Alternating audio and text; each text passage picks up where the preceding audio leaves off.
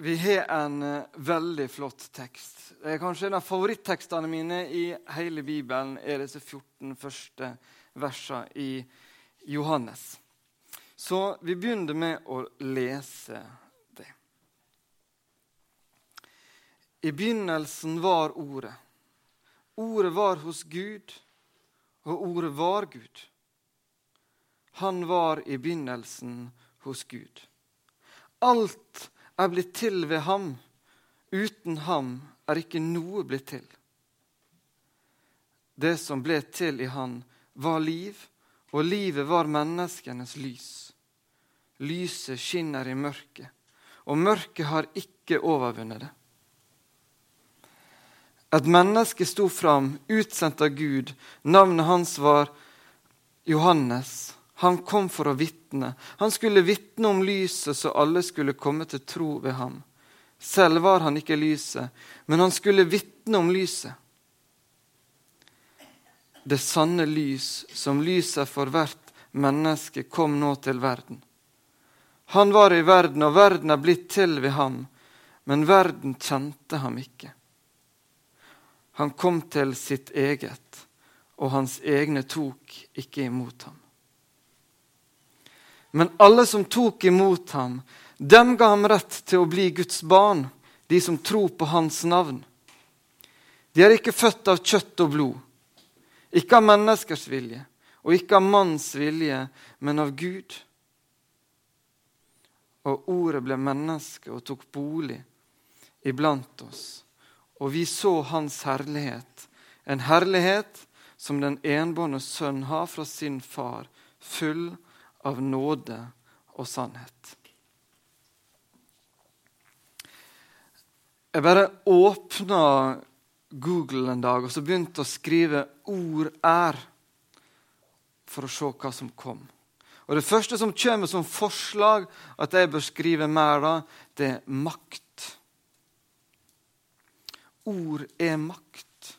Ord er noe stort og viktig. Ord er ikke noe vi skal spøke med. For ord kan brukes til noe veldig godt. Men ord kan også brukes til å rive ned og til å ødelegge. Ord er mektige. Men midt i vrimmelen av alle slags ord så sier denne teksten til oss i dag at det er et annet ord. Ordet det var ordet som kom til oss i jula. Det gir for meg en veldig flott sammenheng å lese disse her starten på Johannes 1. Fordi jeg liker veldig godt eh, å se disse sammenhengene mellom det gamle og det nye testamentet. Og så vet jeg at dette her ordet, som er ord her i Johannes 1, det er så tydelig at det har en sammenheng når ordspråka snakker om kunnskapen. Og så leser vi også at det er det skapende ordet. Det er ingenting som er blitt til uten ved dette ordet. Dette ordet som kom til oss for juledag, det har vært med og gitt oss kunnskap, gitt oss innsikt, og så er det det som har vært med helt fra starten av og skapt. Det er dette ordet som var til stede i Edens hage og blåste ånd, blåste liv inn i Adam og Eva. Og så er det dette ordet som har gitt oss kunnskap om hvem Gud er. Og så dette her ordet kommet til oss i dag. Det er kanskje den sterkeste, den plassen det sterkest kommer til uttrykk med i vår bibel, at Jesus er Gud. Det er ikke en del av guddommen som kom til jord, som ble født som et barn, og på en måte i en evighetssammenheng hadde en forholdsvis kort oppgave her på jord i noen og 30 år. Nei, dette her ordet som vi møter her, den Jesus som kom til oss i jula, han har vært med fra starten av. Det er han som har skapt. så det er han som er vært med og gitt oss kunnskap, innsikt. Og så nå så velger han å komme for å bli et menneske lik som oss, sammen med oss på vår jord. Men det er en Gud som alltid har vært. Og det er denne her, dette ordet, denne guden, som, som kommer, og som er villig til å bli et menneske. Men ikke bare bli et menneske, men er også villig til å dø på et kors for meg og deg. Det er litt av en gud. Jesus er rett og slett en utøvende makt i vår guddom, i vår treenighet. Han som handla da mennesket ble gitt liv. Han som handla når kunnskapen gir liv. Og det er han som ble gjort slik at vi skulle få liv. Jesus betyr rett og slett liv for oss. Men det stopper ikke med, med liv i tekstene våre. Det stopper ikke med ord. Det vil også snakke om lys. Teksten snakker mye om det. Og kanskje har jeg og du gode forutsetninger for å skjønne viktigheten av lys. Når vi, les, når vi lever i en del av verden som er rimelig mørk på denne tida av året satt her. Jeg tror det var torsdag jeg, vi som var på kontoret her, da lurte på kom det til å bli lyst i dag. Det var så mørkt. Um, og så er vi blitt glad i lys i jula. Sånn halvamerikanske tendenser rundt omkring i noen hus. Men det er noe jeg liker. Jeg liker å se at det, lys og jul henger tydelig sammen. Det er ikke et lys Jesus er ikke et lys som bare kommer noen dager i desember, slik som denne julebelysninga vår. Han er heller ikke et eh, LED-lys som lover 25 år. Men han er et lys som kom til oss for å være sammen med oss og for å lyse opp. Men hvis vi så nøye på teksten, så sto ikke det at han ble ikke lys når han kom til jord. Men det var lyset som kom til jord også en understrekelse over at det er et lys som er verdt hele tida. Men nå kom det til jord. For de av dere som var her for, for 14 dager siden, da talte Sven. Eh, og han snakka om et bilde. Jeg, jeg fikk ikke være her, jeg har bare fått hørt dette her på opptak. Eh, men jeg så det tydelig for meg. Dette her er lyset som var inni ei, ei snølykt og som noen fikk se. Noen ble opplyst av dette lyset.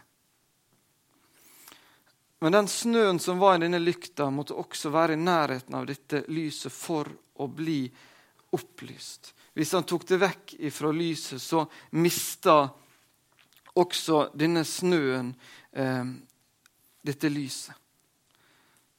Hvis dere vil, så gå gjerne inn og finn den eh, talen i løpet av jula og hør den en gang til. Den ligger på nettsida vår for å skjønne dette her bildet. Viktigheten av at dette lyset kom til vår verden for å lyse oss opp. Og jeg syns det er spennende å se hvordan litt senere enn vår tekst så sier Jesus det helt tydelig i Johannes 8. Jeg er verdens lys. Men så sier han i bergpreken sin, i Matteus 5, når liksom Jesus skal ha programerklæringa si, hovedtalen sin, så sier han tydelig i den, i vers 14, så sier han dere er verdens lys. Og Da skjønner vi at her er en tydelig sammenheng om at dette lyset har alltid vært der. Men lyset kom til verden i jula for å lyse på oss mennesker, slik at vi skal få lov til å bære dette lyset videre. Vi skal få lov til å være verdens lys, og vi skal få lov til å ikke bare lyse, men vi skal få lov til å bli opplyst av dette her lyset. Vi skal bli opplyst, og vi skal bringe den kunnskapen vi får, videre til andre. Så et viktig budskap fra denne teksten her er at Jesus sier til oss 'Jeg er verdens lys'. Jeg er alltid lyst, men nå kommer jeg til verden for at jeg ikke lenger skal lyse alene. Men jeg skal opplyse dere, slik at dere kan få lov til å bli verdens lys. Jesus kom for å drive folkeopplysning. Jeg kjenner på sjøl av og til at jeg kan jeg får en sånn fornemmelse av at ikke-kristne mennesker kan tenke at vi kristne er kanskje litt naive. Tenk at vi legger litt kunnskap til side for å få denne religionen vår til å passe til å gå opp. Alf Jøsund skrev en kommentar i Vårt Land nå i høst som fikk ganske mye oppmerksomhet, som, som heter 'Er religiøse mennesker dummere enn andre?' Og Karl Marx kom med et ganske så kjent sitat om at religion er opium for folket. Sløver folket ned. Men så kommer altså Johannes her i disse versene med et helt annet budskap til oss. Han sier at 'jeg kommer for å opplyse dere'. For å komme med kunnskap. Ordet er kunnskap. En kunnskap som gir evig liv, og som kan gi oss et liv sammen med Gud her på jord. Vi trenger også å lese dette her og rett og slett la det fylle oss litt, og få en frimodighet som sier at det er ikke slik at vi har på en måte lagt kunnskap til side for å, for å godta dette her. Nei, det er dette her som er sannheten. Det er dette her som er kunnskapen. At dette lyset fra Jesus det opplyser oss med nok kunnskap til å kunne takke ja til hans invitasjon til å være Guds barn.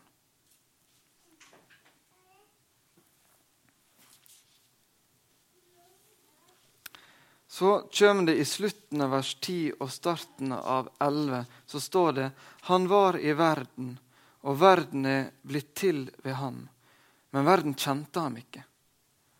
Han kom til sitt eget, og hans egne tok ikke imot ham.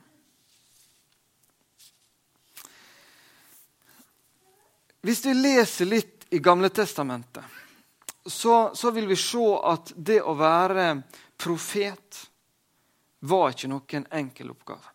Noen av de historiene som kanskje står i, i Barnebibelen, eh, er noen flotte historier. Og det er absolutt det av profeter som får et budskap fra Gud å gå med. Som opplever at mennesker tar imot dem, tar imot budskapet deres. Velger å snu om, endre livsførsel, ydmyke seg for Gud. Men det er ganske mange historier som ikke ender slik. Enda om at profeter blir sendt. Um, og i stedet for å godta budskapet, så hardner folket mer til. Vil ikke høre på disse profetene. Og det er ganske mange profeter som må bøte med livet. Å bli profet i gammeltestamentlig tid var et dristig oppdrag. Og midt inni en sånn tid ble også Jesus født.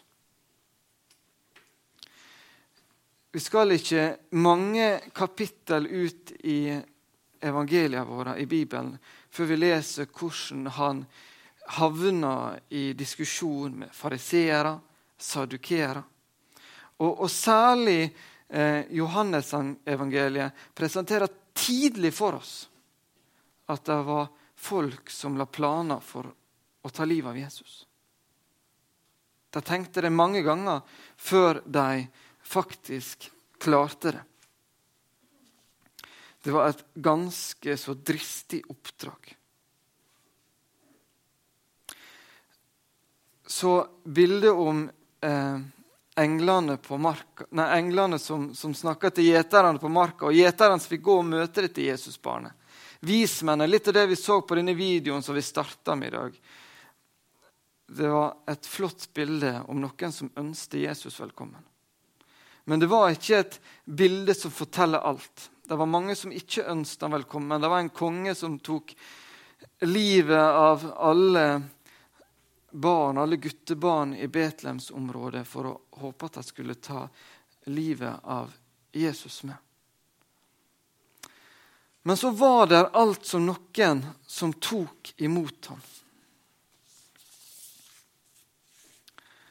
Og så står det at alle som tok imot ham, den ga han rett til å bli Guds barn. De som tror på hans navn. De er ikke født av kjøtt og blod, ikke av menneskers vilje, ikke av manns vilje, men av Gud. Det var noen fiskere. Det var noen toller. Det var noen kvinner som ble møtt av Jesus på en helt spesiell måte. Som valgte å ta imot. Som ville tro på hvem han var. så syns jeg det er veldig flott å lese disse versene. For det står ikke det at det var først og fremst de som hadde 100% jødisk blod. Det var ikke de som hadde vært så og så snille. Det var ikke de som hadde flest stjerner på oppmøtekortet sitt i tempelet, synagoga, som tok imot, og som fikk ta imot. Men det står her alle som tok imot han, dem ga han rett til å bli Guds barn. Absolutt alle som ville ha med han å gjøre. De som ville ta imot dette ordet, de som ville ta imot denne kunnskapen og se dette sannhetens lys. Alle som gjorde det. De ga han retten til å bli kalt Guds barn. De som ville tro på han. Og så er det et, et sterkt vers, det nederste som står her, eh, vers, nummer, vers nummer 13. Forteller mye teologi i dette verset her. Fordi at det å bli et Guds barn, det var ikke noe du gjorde av kjøtt og blod. Det var et nytt liv som skulle skapes. Et åndelig liv som Gud ville gi disse som tok imot ham. Ikke et fysisk liv. Vi skulle ikke bli født på ny fysisk. Vi skulle ikke inn i mors liv igjen, som Nikodemus spør om. Vi skulle få et nytt liv som handler om at Jesus ville ta bolig i hjertet vårt så skulle vi få lov til å ta imot Han som Herre i livet vårt. At Han skulle få lov til å være den som regjerer. At vi ikke lenger skulle være så opptatt av det skapte. Ikke tilbe det skapte, men være opptatt av skaperen. At det var Han som er i sentrum. At vi ikke lenger lever livet for oss sjøl, men at vi lever livet for Han som har skapt oss. Og det skulle vi fått motta i en gave rett ifra Han.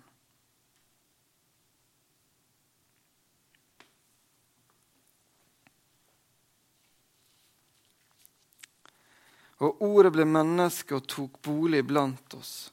Og vi så hans herlighet, en herlighet som den enbårne sønn har fra sin far, full av nåde og sannhet.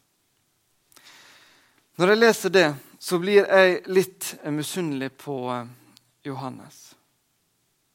Tenk å få lov til å gå der sammen med Jesus og så se denne her personen som var full av nåde og sannhet. Jeg opplevde det kanskje sterkest eh, blant den jobben jeg hadde de siste åra i Peru. Da var en del av oppgavene mine å lage rutiner eh, for mye av det arbeidet de nasjonale skulle ha. Og og da var det dessverre slik at mye av ditt arbeid var å prøve å lage så eh, tydelige rutiner og på en måte at så mange mennesker skulle involvert at det skulle ikke være mulig å lure unna noe eh, penger. Og så allikevel, gang på gang, så viste det seg at jeg måtte være med å avskjedige noen pga. underslag. Jeg følte meg så mange ganger som en, som en sånn politi som skulle lage litt vanskelige regler, og, og, samtidig skulle jeg prøve å lete etter folk som ikke fulgte disse reglene. Og så tenkte det så mange ganger Tenk om, om vi mennesker kunne være helt ærlige. Tenk om at vi var sannheten vi var kjent for. Jeg syns det var en fryktelig kjip jobb å ha det der, egentlig. Å prøve å på en måte finne folk som, som gjorde underslag. Men så har jeg tenkt på etterpå at det var jo ikke bare der. Jeg har tenkt på mitt eget liv. Tenk at jeg kunne fått vekk all uærlighet i mitt eget liv. At jeg kunne få lov til å leve helt og fullt i sannhet. Tenk hvor godt det hadde vært. Og Da tenker jeg på disse her disiplene og jeg tenker på, på Johannes som fikk lov til å se denne mannen, treffe han Jesus, som utstrålte nåde og sannhet. Og jeg tenker også at Det er noe av utfordringa vår som, som, kirke i dag. At vi klarer ofte ikke helt å utstråle en veldig nåde og samtidig en veldig sannhet. At vi kan vise tydelig at det de mennesker som ønsker tilgivelse. Da legger vi det bak, og så glemmer vi det, og så er vi ferdig med det. Samtidig som vi kan holde fram en sannhet. Jeg tenker at Det er noe av det Jesus klarte, og jeg så veldig gjerne skulle ønske at vi kunne få mer av. Bli kjent med Jesus tydeligere. Be om å få lov til å bli han mer lik. At vi kunne få lov til å stråle ut denne nåden, denne sannheten.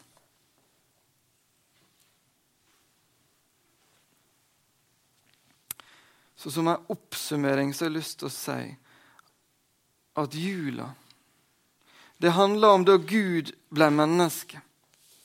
Da han kom til jord, ikke fordi at jeg eller du ville det, men fordi han ville det.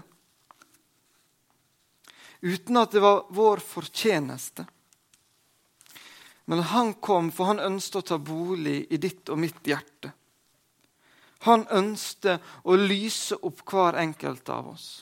Opplyse oss, slik at vi kan få lov til å stråle ut noe av den glansen hans om nåde og sannhet. Så la det være noe av det denne teksten får lov til å si oss i dag om sannhet, om nåde. Nåde og sannhet i våre liv, i våre familier i våre byggefelt og nabolag og i vår menighet her i Misjonssalen. Amen.